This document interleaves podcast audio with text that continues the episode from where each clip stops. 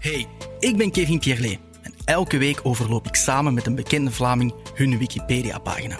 Om te checken welke informatie al dan niet klopt en of er informatie ontbreekt. Vandaag is het de beurt aan Walter Dame.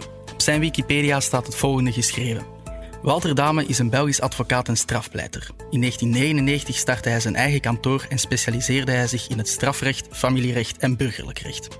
Dame verwierf bekendheid in Vlaanderen door de verdediging van zowel dader als slachtoffer voor het Hof van Assise. Eens kijken of dat allemaal wel klopt. Dag Walter, welkom.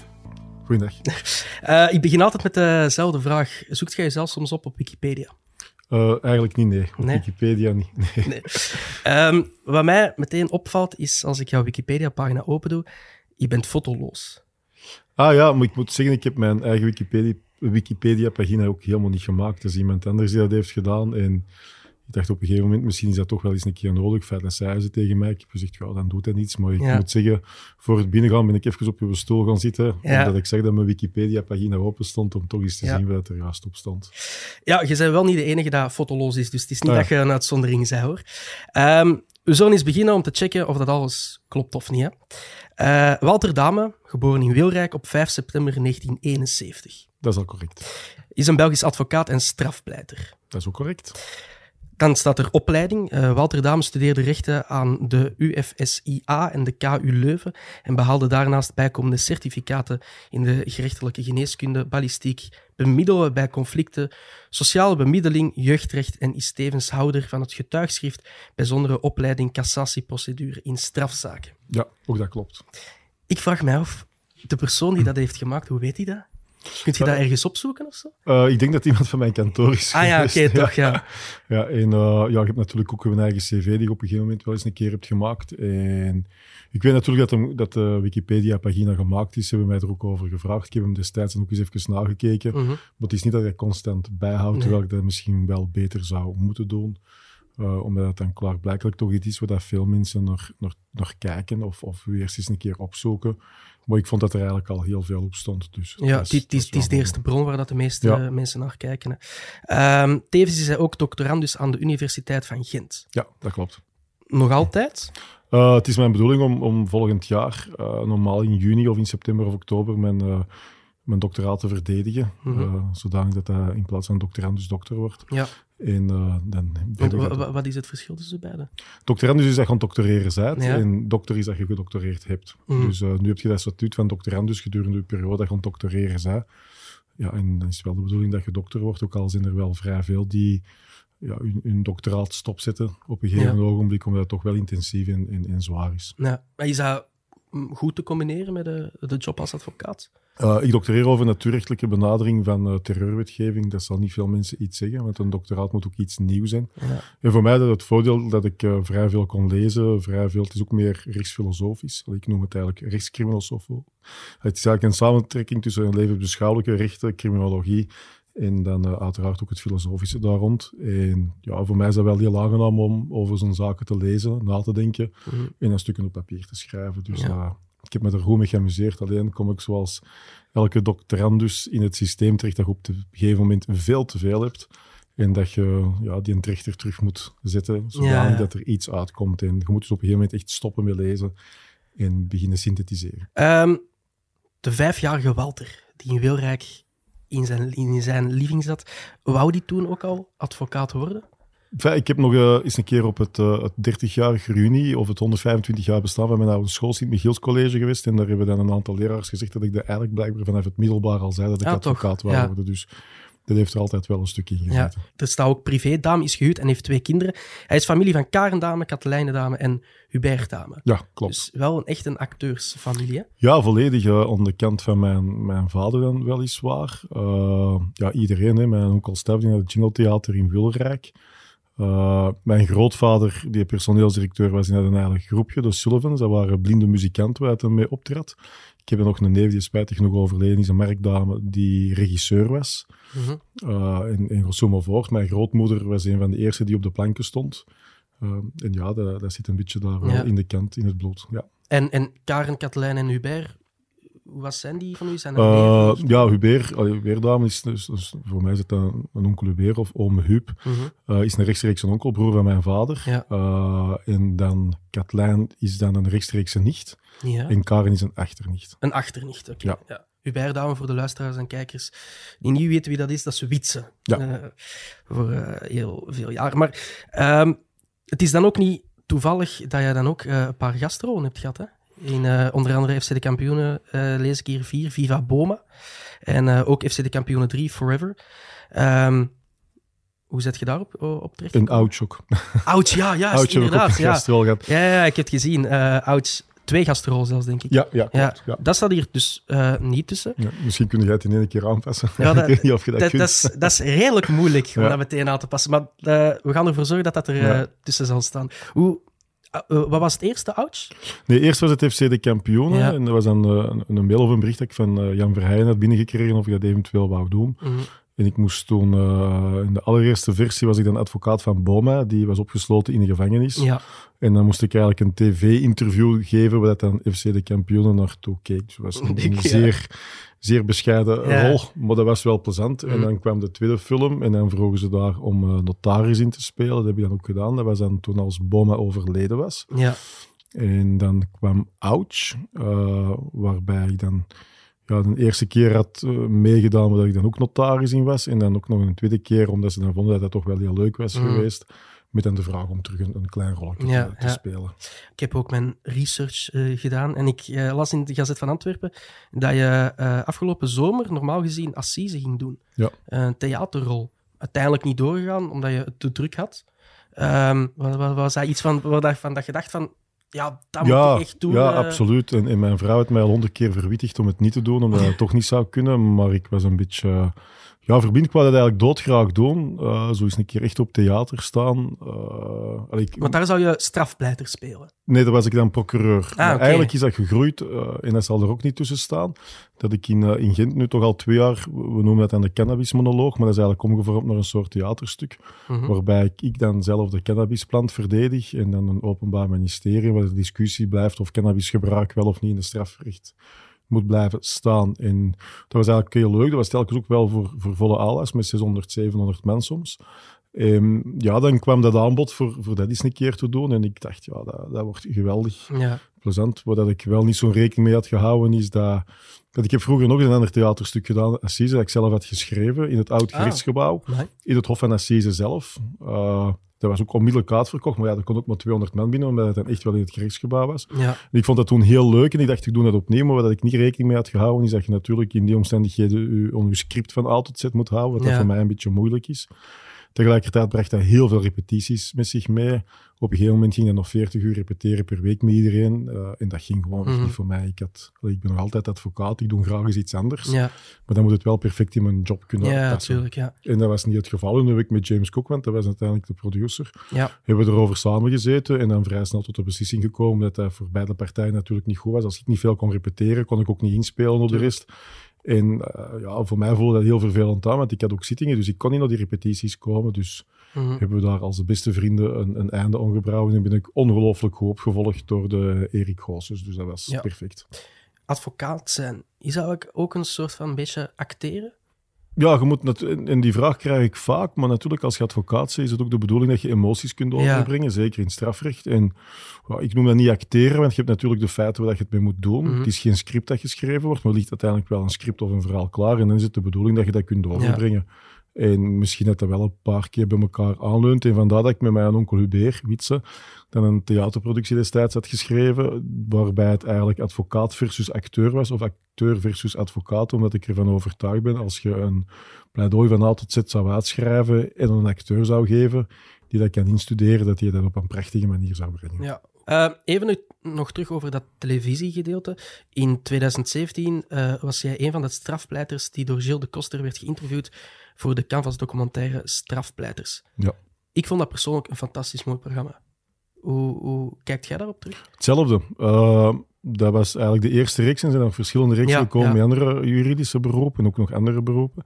En als ik mij goed herinner, wat dat eigenlijk ook wel heel goede kijkcijfers. Mhm. en Zeker voor een Canvas-programma. Ja, en er is toen ook heel massaal op gereageerd. Zijn er heel vaak over aangesproken, omdat dat ook wel ja, een puur soort human interest was, maar dan eigenlijk wie dat de advocaat was, op welke manier. En, en ik word daar nog altijd over aangesproken. En dat is eigenlijk wel heel fijn. Ik vond dat een heel fijn programma.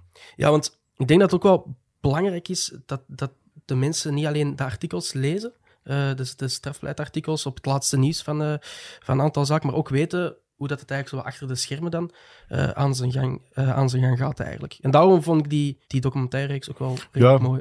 En die was ook heel waardevol en het heeft op dat punt ook de advocatuur wel in een ander soort daglicht geplaatst, ja. zodat men eigenlijk ziet dat ja, ze maken natuurlijk van elke job een karikatuur, mm -hmm. vaak.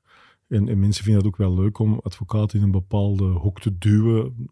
Niet spreken of niet Makkelijk woordelijk, slachtoffer, maar, ja, ja. maar zo van, ah, is een slachtoffer van nogal gemakkelijke ja, zaken die men over u zegt. Maar dat was dan weer een reeks die dat eigenlijk een stukje doorbrak. En dat was eigenlijk wel heel fijn.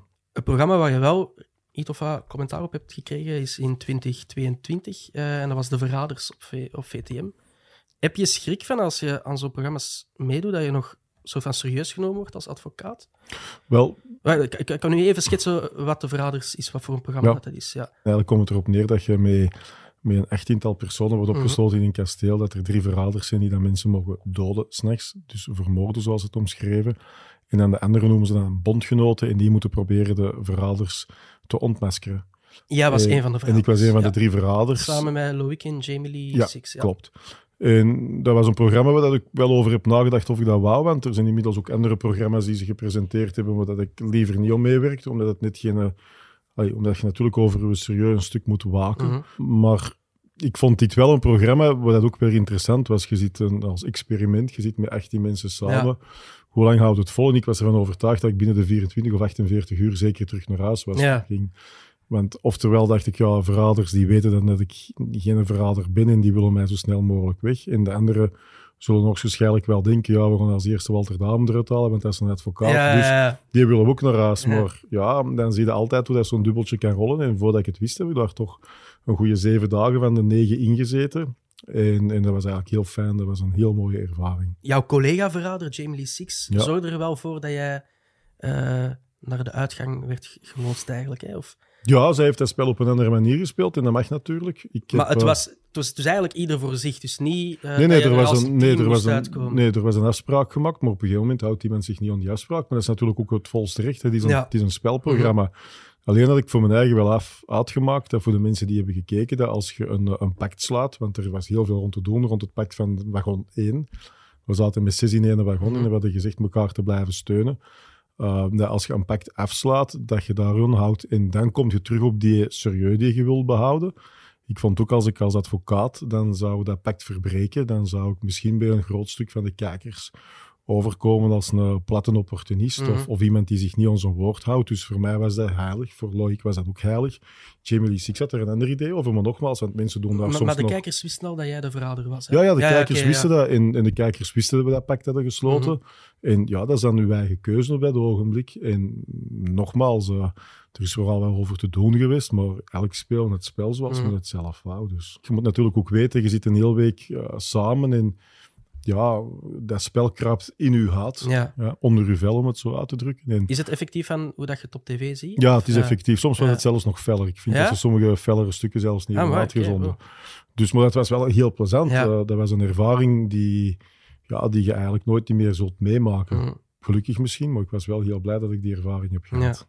Zijn er andere programma's waarvan dat je zou denken, ah, als ik daarvoor word gebeld, zou wel leuk zijn? Ja, er, wa- er waren er, er zijn er wel bij, maar er waren er zo twee die, die er zo wat uitsprongen. Dat was aan de ene kant het Haas, omdat ik dat ook een heel Oh, leuk ja. inhoudelijk programma vond. Een van mijn favoriete Ja, en programma's. ik had ja. doodgraag met, met Sergio Herman en toen nog Axel Dazeleren een, een, een week zo op Ah, stap gegaan in het kader van de culinaire verrijking. Dus daar daar waren er zo twee die, die ik recent wel, wel heel aangenaam vond. En als het zo rond human interest draait, dan wel heel Mhm. graag. En, maar ook telkens malen niet te veel, want allee, je bent nog altijd advocaat.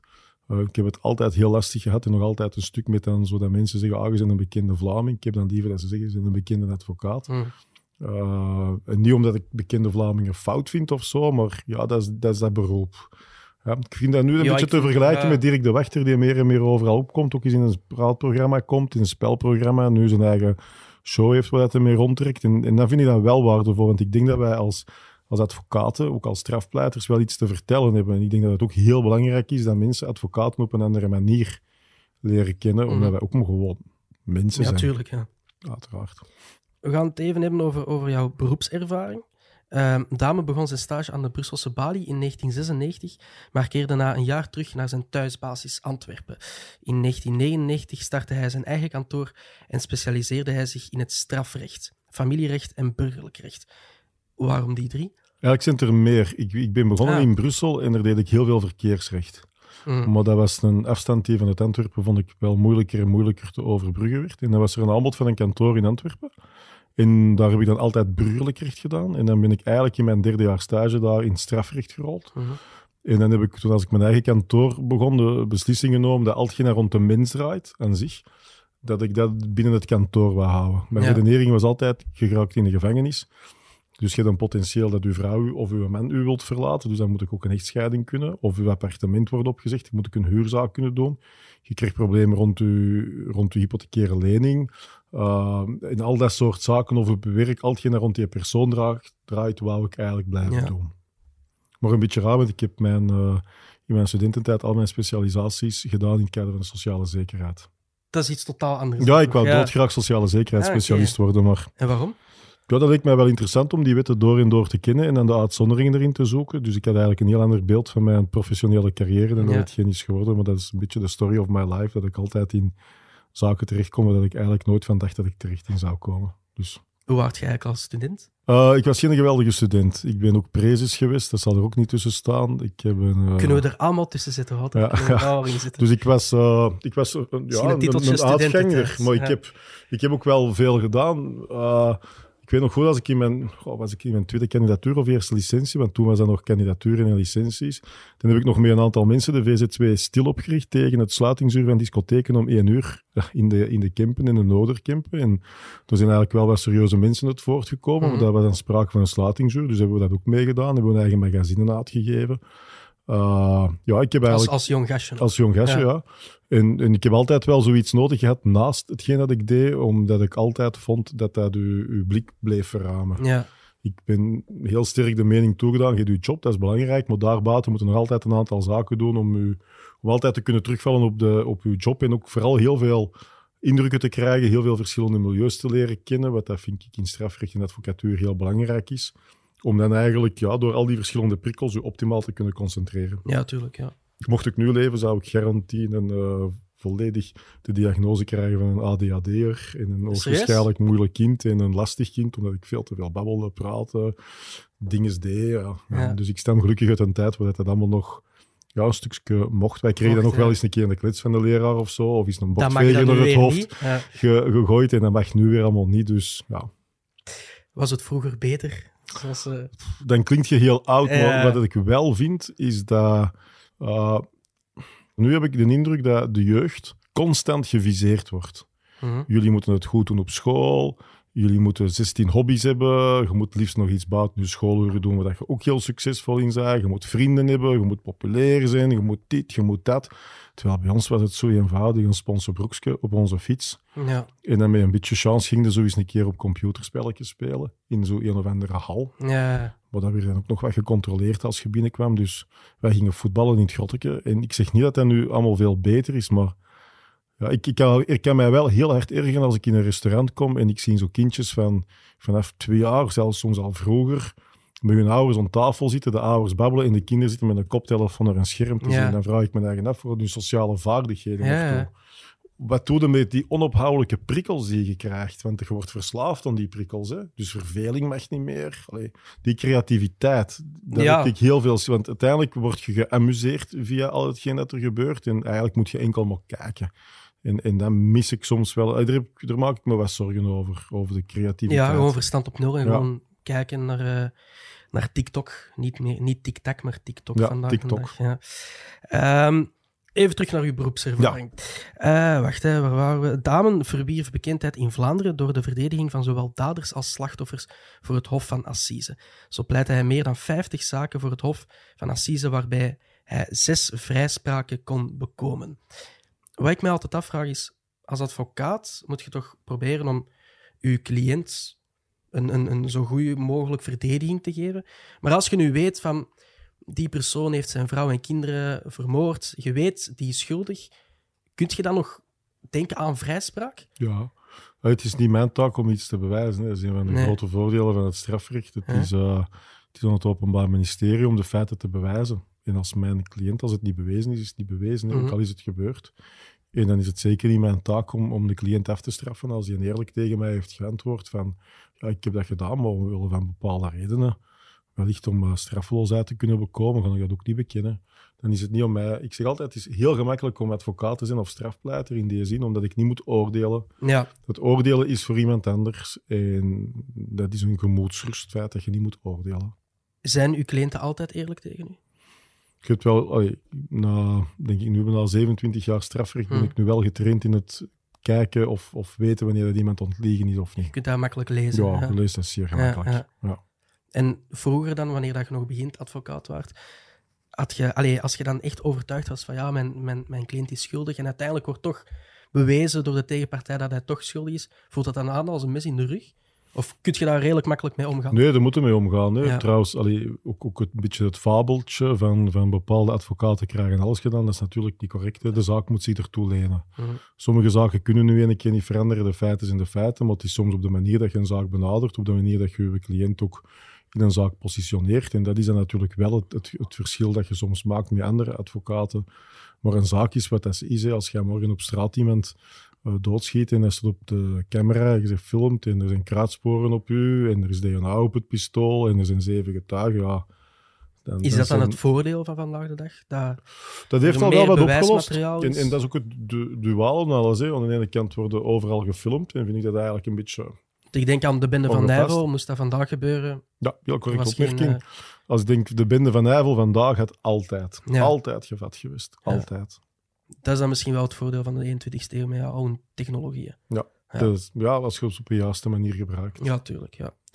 Damen was al advocaat eh, voor onder meer slachtoffers van Kim de Gelder, voor Staf van Eycken en voor Fouts Belkacem. Wat was je grootste zaak eigenlijk?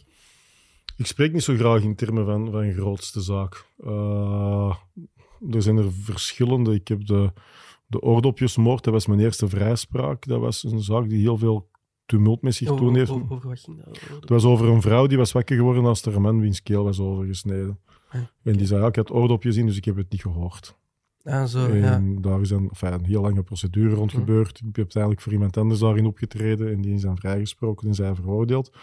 Maar de, eigenlijk de grootste zaak die men altijd omschrijft, zijn de zaken waarbij dat het heel gruwelijk was. Maar net in de gruwelijkste zaken kun je het minste een succes behalen. Mhm. Het is helemaal niet moeilijk om als slachtoffer in een viervoudige moord of een achtvoudige moord een veroordeling te krijgen en een levenslange celstraf. Ook al Ja. komt je als slachtoffer niet tussen in de, in de celstraf. Dus dat is niet, niet de issue voor mij. Bij mij is het, als het een zaak is met een maatschappelijk belang, om dan ervoor proberen te zorgen dat die rechten van verdediging van die persoon altijd overeind blijven. ja. En dat is dan soms vaak de grootste uitdaging. Ik was een van de weinige advocaten die terreur wouden doen. Uh, ik heb dat heel bewust gedaan. S- Sven Marie was dat? Sven Marie ook, maar die heeft op een gegeven moment ook gezegd dat hem daarmee stopte. En voor de rest waren we eigenlijk niet meer zo gek veel. Maar ik heb het altijd bijzonder belangrijk gevonden dat iemand verdedigd werd. En dat er ook, ja, die, dat, dat recht op een eerlijk proces en dat recht op verdediging was voor mij altijd heel cruciaal. Zet je vandaag actief in het proces van Salah Abdeslam? Of? Nee. nee. Nee. Zijn er, ehm, als, als een cliënt naar u belt, zijn er vereisten waaraan die moet doen? Van, dat je zegt van, ik pak die zaak wel aan of ik pak die zaak niet Bij aan? mij, die vereisten zijn heel laag. Ik wil één, een vorm van respect. Twee, ik wil met een open manier kunnen communiceren met de cliënt, dus dat hij ook beseft dat ik niet zijn spreekbaas ben. Mhm. En drie, je moet mij nooit opleggen om iets te pleiten dat tegen het dossier ingaat of tegen een juridische kwalificatie. Kunnen daar een voorbeeld van Ja, ik heb bijvoorbeeld iemand bijgestaan die... Die man had zijn vrouw neergestoken. Uh, maar die vrouw had hem eerst aangevallen met het mes. Hij had hem het mes afgepakt. Hij had een Mhm. hele tijd achtergelopen en hem neergestoken. En hij wou absoluut wettelijke zelfverdediging. Maar dat gaat niet, want wettelijke zelfverdediging moet de aanval onafwendbaar zijn. Moet direct zijn. En nog een aantal andere En dan mag je voorwaarden. niet over een tijdspanne van, van Nee, en zeker niet als jij dan zelf achter het slachtoffer Ja, ja. loopt. Dan is er Ja. geen enkele kwestie nog van onafwendbaarheid en dan is er ook geen acuut verhaal of, gevaar. Dus ik vond dat uitlokking wel ging, omdat hem eerst was aangevallen, maar hij wou daar niet van weten. Ja, bon. Hij wou absoluut wettelijke zelfverdediging en dan, dan doe ik dat ook niet, want dat is dan juridisch zodanig fout. Dat, ja, dat zijn bijvoorbeeld een van die elementen. Komt de strategie vooral langs uw kant? Of is dat van wat de cliënt graag zou willen? Van we pakken het zo aan? Of... Nee, dat is eigenlijk, ja, enfin, je cliënt, dat is natuurlijk ook, advocatuur is uw job, Ja. je professie. En het enige dat je dan wel op let is, de cliënt kan ook soms heel goede inbreng hebben. En ik zeg altijd, je moet met elkaar erover kunnen praten. Maar het moet wel, allee, een, een strategie zoals je in die filmen ziet, dat bestaat eigenlijk niet. Uw eerste strategie is een grondige kennis van uw strafdossier. Uw tweede strategie is uw cliënt uitleggen dat bepaalde stellingen, als die niet houdbaar zijn, dat die echt niet houdbaar zijn. En uw derde strategie is dan bekijken op welke manier kan ik eventueel die vrijspraak bekomen of toch een serieuze vermindering van de normale opgelegde strafmaat. Zet je niet enorm lang bezig met zo'n dossier van binnen en van buiten? Je raakt daarin Ja. getraind. Hè. Ja, Ja, ik lees ongetwijfeld sneller dan de meeste mensen. Maar ik zeg het altijd al lachend. Hè. Als ik eh, met een band van mijn fiets moet kleven, ja. ja, waar dan mijn fietsenmaker drie minuten over doe, na drie uur moet ik die mens bellen, want mijn fiets ligt helemaal uit elkaar en ik krijg het met de beste wil van de wereld en Ja. niet meer in elkaar gezet. Idem dito voor de eh, door iedereen gekende IKEA-kast. Dat kost mij echt of, of negen of langer. Ik ben helemaal op van de zenuwen op het einde. Ik ben helemaal bezweet. Ja, maar geef mij een dossier van 3000 pagina's en daar gaat er vlotjes Bij mij is dat helemaal hetzelfde. Als ik mijn cursus moet lezen allee, of moet blokken, dat duurt lang. Maar als ik iets of wat van voetbal lees, dan zit er bij mij... mijn- Ja, voilà. Dus dat is, en dan zeg ik altijd, mogen mensen moeten hun, de chance hebben dat ze in een beroep terechtkomen, dat ze hun talenten kunnen ontwikkelen. En daarvoor zeg ik ook altijd heel duidelijk, van het is, voor mij is er geen onderscheid tussen beroep en prestige. Bij mij is er enkel een onderscheid tussen iemand die zijn job graag doet en goed doet. Hmm. En zij die elektriciteit kunnen leggen en dat marcheert allemaal, daar heb ik ongelooflijk veel respect voor. Uh, als ze het maar met hart en ziel doen. Ja, tuurlijk. In 2020 schreef hij, al, eh, schreef hij een opmerkelijke brief waarin hij het opneemt voor zijn cliënt Joachim Meusen, de zoon van gouverneur Cathy Berks, die als getuige werd verhoord na de dood van Sanda Dia. Ehm, is dat ook een reden waarom dat je misschien dat je die zaak hebt aange- aangenomen? Omdat je zelf zo'n losbolge student was? Of Nee, totaal nee. niks met Nee, totaal niks trouwens. Allee, dat is het enige van Wikipedia moet verwijderd worden, want ik heb geen opmerkelijke brief geschreven. Ah, oké. ja. Ja. dus ik- er is iemand die dat Fout er heeft opgezet. Ja. Uh, nee, nee, ook trouwens, allee, dat was vrij eenvoudig. Die, die zoon... Eh, Heb je iets met die Joachim Meusen? Ja, ja, absoluut. Maar die zoon van, en, en ik vond het altijd spijtig dat het dan de zoon van werd. Ja, die was zelfs niet op dat moment aanwezig op de feiten. Die, had een, die was aan het studeren in het buitenland. Dus dat was een totaal overroepen gebeuren. Uh, Hoe, hoe kan die dan als getuige verhoord ja, die zat in de reuzegom en dan werd plotseling iedereen die ah, aan zo, de, voor, de reuzegom gekoppeld Ja, was, ja. werd dan eh, gebrandmerkt in de nationale Ja. pers. En eh, natuurlijk, als je dan nog zo'n zei van, dan moest ook even spitsroden. Uh, nee, het enige dat ik daarin bekomen heb, is uiteraard dat hem niet vervolgd werd, maar ook vooral dat een aantal artikels die rond hem verschenen waren, dat ook uiteindelijk de Raad voor Journalistiek heeft gezegd dat die fout waren. Ja, Manifest fout, niet een beetje fout, hè, maar manifest fout. Ja. En dat is altijd zoiets waar we heel voorzichtig mee moeten zijn. Het is niet omdat het in kranten staat dat het juist is. En ja, soms komt men er ook wel totaal over in een vorm van berichtgeving over personen. En dan is het de taak van de advocaat om daarover te waken. Dus die passage moet ik er, uh, het is goed dat je het zegt, moet Ja. ik er laten uithalen. Um, heb je zo'n soort van een goede connectie met journalisten of totaal niet? Jawel, absoluut wel. Uh, en, en, er zijn ook heel veel journalisten die, die van tevoren hun teksten... Ik vraag dat ook altijd, ja. als je iets schrijft, dat je de tekst van tevoren mag lezen. Er is ene, ik kan geen namen noemen, ene journalist die altijd foutief schrijft. Dat was dus ook in dit geval weer zo.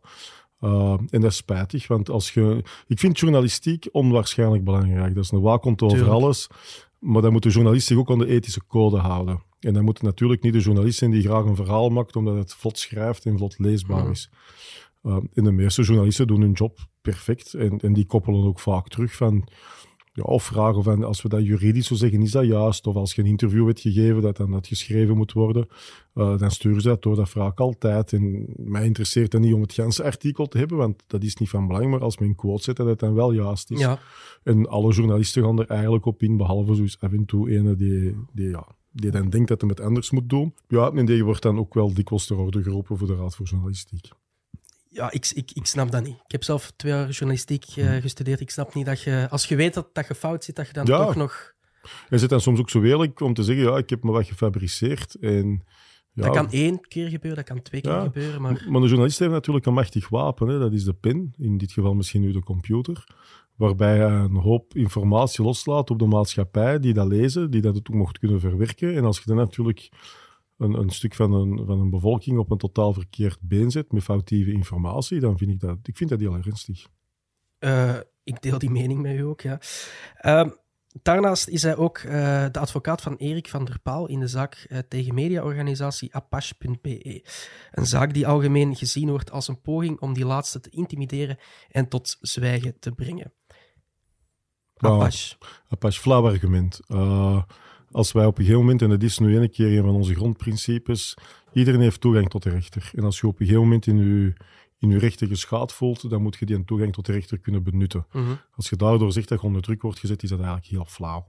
Zeker voor een journalist. Ja. Ik heb dat ook altijd gezegd. We hebben er een aantal procedures van gedaan. We hebben dan iets gelijk gekregen, dan iets ongelijk. Uh, maar had zich misschien beter de vraag gesteld of op een gegeven moment dat Pasch niet een bestaansreden aan het vinden was, louter en alleen op basis of op de rug van Erik van der Paal. En dat hebben we ook willen aankaarten. En daarvoor dient nu net onze democratie, dat als je met iets niet akkoord bent, dat je gelukkig niet meer zoals vroeger dan ten strijde trok met een grote familie om de anderen uit te moorden, maar dat je gelukkig naar de rechter kunt gaan. En dat je je probleem aan de rechter kunt toegeven. En als je dan vindt dat je op die manier daar misbruik van maakt, ja, dan, is dat, dan vind ik dat een spijtige redenering. Mhm. Maar nogmaals, redeneren is toch vrij. Ja, tuurlijk. Dat is waar. Ehm, komt je eigenlijk goed overeen met je, met je collega-advocaten? Ja, ja, ik heb een paar, paar vrienden binnen de advocatuur. Nu, dat ik zo'n beetje mijn bewuste keuze om zo...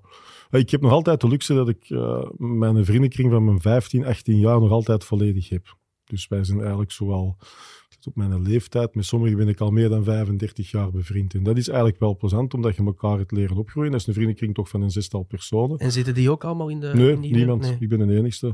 Dat, is, eh, dat gaat van een juwelier tot een IT'er, Mhm. tot eh, een verzekeringsinspecteur, tot van alles. En, en, en dat is eigenlijk wel leuk. En, en, en ja, ik heb natuurlijk ook vrienden binnen de advocatuur. Eh, Is het dan niet raar als je dan zo tegen een vriend eh nee, staan?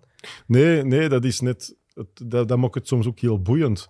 Zo, we, Eh, zo, we zo niet zien. Allee, veel succes. En, ja. en, en, en mensen begrijpen dat soms ook niet goed, maar het gaat daar net zo goed. Je wilt je job zo goed mogelijk doen, je wilt winnen. Uh, natuurlijk binnen de grenzen van het mogelijke. En als je dan dat doet tegen iemand die je samen hebt gestudeerd, want uiteindelijk hebben wij bijna allemaal samen gestudeerd, kennen wij elkaar allemaal al heel lang. Ja, dan, dan kan dat soms nog eens een extra motivatie zijn, bij manier Mhm. van spreken. Maar dan is het wel de bedoeling dat je daarna nog altijd door je deur kunt. Hè. Ja. Zou een, eh, een productiehuis u mogen vragen om zo'n serie of, eh, over u te maken? Om u een jaar lang of zo te volgen? Ik ben eens één dag gevolgd geweest, omdat dat toen ook iets was dat ze eigenlijk wouden bekijken welk effect dat, dat zou kunnen hebben. Dat was een nieuwe reeks die mee wou opstarten. En dat, is, dat hangt er helemaal vanaf. Als, dat, als je dan zo de rechtbank moet binnenwandelen. Eigenlijk de eerste plaats is dat je altijd moet denken van hoe reageert uw cliënt daarop? Ja. En als je een rechtbank binnenstapt en je wordt gevolgd door camera's, dan is dat soms al een, een ander type signaal dat je geeft. Mhm. Dus als men zou zeggen van we hebben liever een inkijk in, eh, in het hoofd van een strafpleiter, dan hebben we die reeks strafpleiters gehad, die, Ja. die geweldig was. Dus mm, nee, tenzij een heel strikte voorwaarden, maar bijvoorbeeld nooit niet thuis, nooit privé. Nee. Uh, want dat vind ik, nee, dat houden we gescheiden. Ja. Oh, dat snap ik helemaal. Ehm, dan trivia. Eh, tevens is dame ondervoorzitter van de voetbalclub eh, Beerschot. Ik heb hier al ehm, tijdens het eerste seizoen Axel Dazeleiren eh te gast gehad en Vincent Vierens. En ik ben eindelijk content dat er een rat Ah. naast mij zit.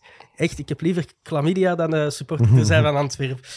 Hoe zet je daar terechtgekomen? Ook alles in mijn leven is, is een beetje toevallig. Buiten natuurlijk de keuze van, van de rechtenstudie. Uh, dat was een avond dat er een bepaalde de groep supporters... Beerschot was failliet. Dat was al de eerste heel triestige vaststelling. Welk jaar spreken we? Tien jaar geleden, Oké. 2013. Uh, Beerschot was failliet. En ik ben toen naar een bijeenkomst gegaan van het Beerschot-collectief, als ik het mij Maar juist herinner. wel als kind supporter? Ja, vanaf mijn Ja, zes jaar. ik was ja. zelfs altijd heel hevig. Uh, het zit ook volledig in de familie. Ik ben afkomstig van Wilrijk. Ja. Dus dat gaat zoals het hoort van grootvader op vader op, op kleinzoon. En ja, we hebben toen met een hoop vrienden gezegd van, oh, laat ons nog een afscheids, afscheidswedstrijd doen. En uh, wij zijn 13, was aan die groep. En ja, er is dan... Of nee, wij zijn Beerschot, heette onze groep. We waren met 13. En dan hebben wij een afscheidswedstrijd georganiseerd. Intussen waren er een aantal die gesprekken begonnen te voeren rond de overname, de fusie met Wilrijk. En ik ben er dan mee in betrokken geweest. Mm -hmm. Voordat je het wist, zat in dat bestuur. Ja. En dan voordat je het wist, word je ondervoorzitter. Voilà. Waar zien we Beerschot binnen vijf jaar? Dat weet ik niet. Uh, vroeger, als wij uit de eerste provinciaal kwamen, dan waren door de, het groot aantal verkochte abonnementen en, en business seats en loges, was er eigenlijk je club zelf betrapend. Ja. Hoe meer dat je op de ladder van de competitie klimt, um, en in dit geval dan naar 1A, is eigenlijk u, u, in uw taartdiagram de inbreng van dat soort uh, opbrengsten is dat misschien nog maar 20%. Mm -hmm. Dus uw 80% moet worden ingevuld, het zij uit sponsoring, maar dat neemt ook af. Maar dan eigenlijk vooral het verkoop van spelers en dat hetgeen dat mensen daarin willen investeren. Als je vandaag bekijkt in de Pro League, denk je dat er nog twee of drie clubs winst maken en de rest kleurt diep. Ja, ik denk Racing Genk. Dat Racing Genk uh, nog en Club Brugge. Ja. En ik denk dat voor de rest misschien nog eentje bijna break-even is en voor de rest is het een financiële fiasco. Dus uw, uw inbreng op dat punt wordt ook minder en minder. Alles is afhankelijk van... Met de faillissementen hebben we ook een hele hoop jeugdspelers gehad die zijn vertrokken. Dus je hebt dat eigenlijk allemaal terug moeten opbouwen. Dat lukt heel goed. Nu komt en, er ook een nieuw jeugd. En, ja, ja, de, de, of oefencomplex zal er komen. En, en, maar dat is een groei. En die groei gaat gestadig. En intussen tijd moet je gaan hopen dat je mensen hebt die daar miljoenen en miljoenen willen Mhm. insteken. Je kunt perfect vergelijken met Antwerpen op die manier. Als je daar iemand hebt die, denk ik, de afgelopen drie, vier jaar er 93 miljoen euro in steekt. Ja. Ja. Mhm.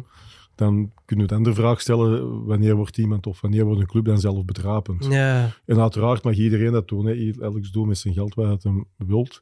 Maar ja, als je dan ziet dat ah, Gent toch weer 6 miljoen euro... Ik sta nog uit een tijd dat dat bekend 245 miljoen Belgische frank was. Mhm. Uh, ja, dat zijn gigantische bedragen. Hè. Dus een voetbalclub levend houden kun je enkel bij de, bij de gunst en de gratie vaak van mensen die er geld in willen steken. ja. Maar zitten we binnen vijf jaar terug in eerste klas? Dat is absoluut de bedoeling. Ja, ja. Ja, bij mij is het enkel wel als we naar eerste klasse gaan, dan zou het wel ook de bedoeling zijn om niet het seizoen mee te maken dat we vorig jaar hebben gehad. Want ja, daarvoor was het een schitterend seizoen in eerste En, klasse. en, en aan, aan wat ligt dat dan, denkt u? Vorig jaar heeft het om veel factoren ge- gelegen. Ik heb nog altijd een indruk dat een aantal spelers al meer in het hoofd zaten van ja, we gaan naar een andere club, want het gaat hier niet lukken en zich daardoor ook spaarden. Uh, een beetje pech ook gehad, veel pech dat jaar. Uh, een aantal blessures, onder andere van Zanussi, die dan nu toch altijd nog de, een heel bepalende speler is. Een Holzhausen die niet bracht wat hij moest brengen. Spitsen die niet scoorden, die nogthans daar speciaal waren voor aangetrokken. Dus je ziet soms met een allemaal gaan van heel veel factoren. Mhm. En ik denk, dat jaar was echt wel een, een, een, een pechjaar. Misschien ook een ongelukkige samenstelling van, van het geheel. Um, en, en dat was eigenlijk wel een heel ja, droevig jaar. Omdat, ja, ik denk dat alles aan goed gaat. Het jaar ervoor stonden we nou aan de kop in het begin. Iedereen voorspelt dat je achtste of negende plaats gaat eindigen. En dan worden eigenlijk vanaf het begin van de competitie bijna troosteloos, dus troosteloos de laatste van de Ja. competitie. En dat was niet leuk. Dat was heel, heel, heel erg. Als ik twee termen zeg, voetbal en rechtszaken, aan wat denk je dan? Dat is een... Ik denk aan propere handen. Ja, wel, ik, wist dat je het ging Ja. zeggen. dus vandaar dat ik even deed Want alsof ik onlangs niet verstand. eh, hebben we tien speels, eh, speelfiguren in de zaak proper handen. Eh, die hoeven via een afkoopregeling niet Ja. voor de rechter te komen. De bekendste namen zijn dan Bart Verhagen, Vincent Manhart en Michel Louagie. Toch wel grote namen in het huidige Belgisch voetbal.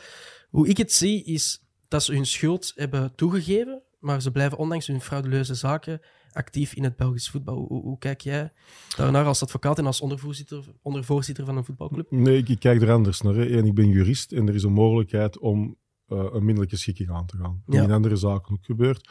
Als de federale magistraat die met deze zaak bezig is, vindt dat er een minderlijke schikking kan worden afgesloten en die andere mensen willen daar gebruik van maken, dan is hun volste recht. Dat snap ik. Maar om dan nog eens actief Dat is ook niet mijn taak. hè. De, de reglementen, dat is de taak van het bondsparket. En, en ik ken natuurlijk de zaak, want ik treed daarop voor andere personen in op. Uh, het is een zaak met een heel dubbel gevoel, maar ik, ga mij, ik, ik ken ze ook allemaal. Hè. Ik ken Vincent Manhuis, ik ken Bart Verhagen, Mhm. ik ken Michel Louagie. Dus ik kan mij er niet over uitspreken, Nee. omdat ik daar ook wel op die manier wat er persoonlijk bij betrokken Nee, ben. Ik kan dat enkel zeggen dat als de wet voorziet dat er een minderlijke schikking kan worden getroffen, en ook al vindt misschien een groot deel van de bevolking dat niet correct, dan zeg ik altijd, maar totdat je zelf in die situatie staat en dan zit je blij dat het eventueel wel kan. Ja, En een minderlijke schikking wil niet ja. altijd zeggen dat je fout hebt toegegeven. Dat kan ook zijn dat je niet wilt worden blootgesteld aan die openbare of publiekelijke verachting. Mhm. Dus dat zijn keuzes die mensen moeten maken. En als dat in- binnen het wettelijk kader is, dan komt de advocaat, jurist in mij boven. En dan zeg ik, ja, bon, dan is dat zo. Ja. Z- zou je een, zo'n, eh, allee, iemand van een andere club kunnen verdedigen? Ja, absoluut. Ik heb het ook al gedaan. Hè. Ah ja? Ja. Ja, dat doet er ook niet toe. Maar ik heb mensen Nee, al... dat was gewoon Ja, ook als die- supporters van andere clubs Ah, verdedigd enzovoort. Dus dat is niet... niet als, Je kunt dat wel perfect scheiden. Ja, ja, maar ik denk nu niet dat een bestuurder van de club naar mij direct zal komen, omdat natuurlijk elke club zijn eigen bestuurders heeft, Mhm. of advocaten heeft. En tegelijkertijd ben ik natuurlijk heel erg beerschot gelieerd. En de mensen zouden dan ook al denken, ja, dat is ook een beetje raar. Ja, ja. Misschien doen ze het er wel voor, of hij probeert op die of dat manier. Maar ook, ook, dat heeft ook niks te maken met je kwaliteit als advocaat. Maar als advocaat moet je, moet je zelf telkens beoordelen, kan ik iemand bijstaan of niet. En Mhm. Van eender welke club dat je zei, is dat op zichzelf geen, geen dilemma of geen, geen breekpunt. Hè. Ja, je had er, net gezegd dat je eh, op tijd moest Ja. doorgaan. Dus eh, ik denk dat we hier gaan afronden. Eh, meneer Dame, Walter, merci om langs te komen. Heel graag gedaan. En veel succes met jullie podcast. Dankjewel, dankjewel. Alsjeblieft. Ondanks de beperkte Wikipedia-pagina van Walter Dame vonden we er toch een fout in. Die brief, waarin hij het zogezegd opnam voor cliënt Joachim Meusen, is nooit geschreven. En er ontbraken twee dingen. Hij zetelde in de raad van bestuur van de Pro League en zijn gastrol in Ouch vonden we ook niet terug. Dat hebben we dan toch even rechtgezet. De Wiki Podcast met Kevin Pierre